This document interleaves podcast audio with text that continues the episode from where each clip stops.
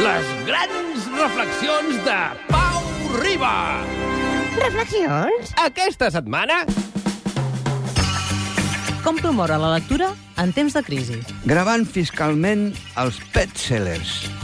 Ai, no, que es diu best, que ve de bèstia, d'allò que es ven a lo bèstia.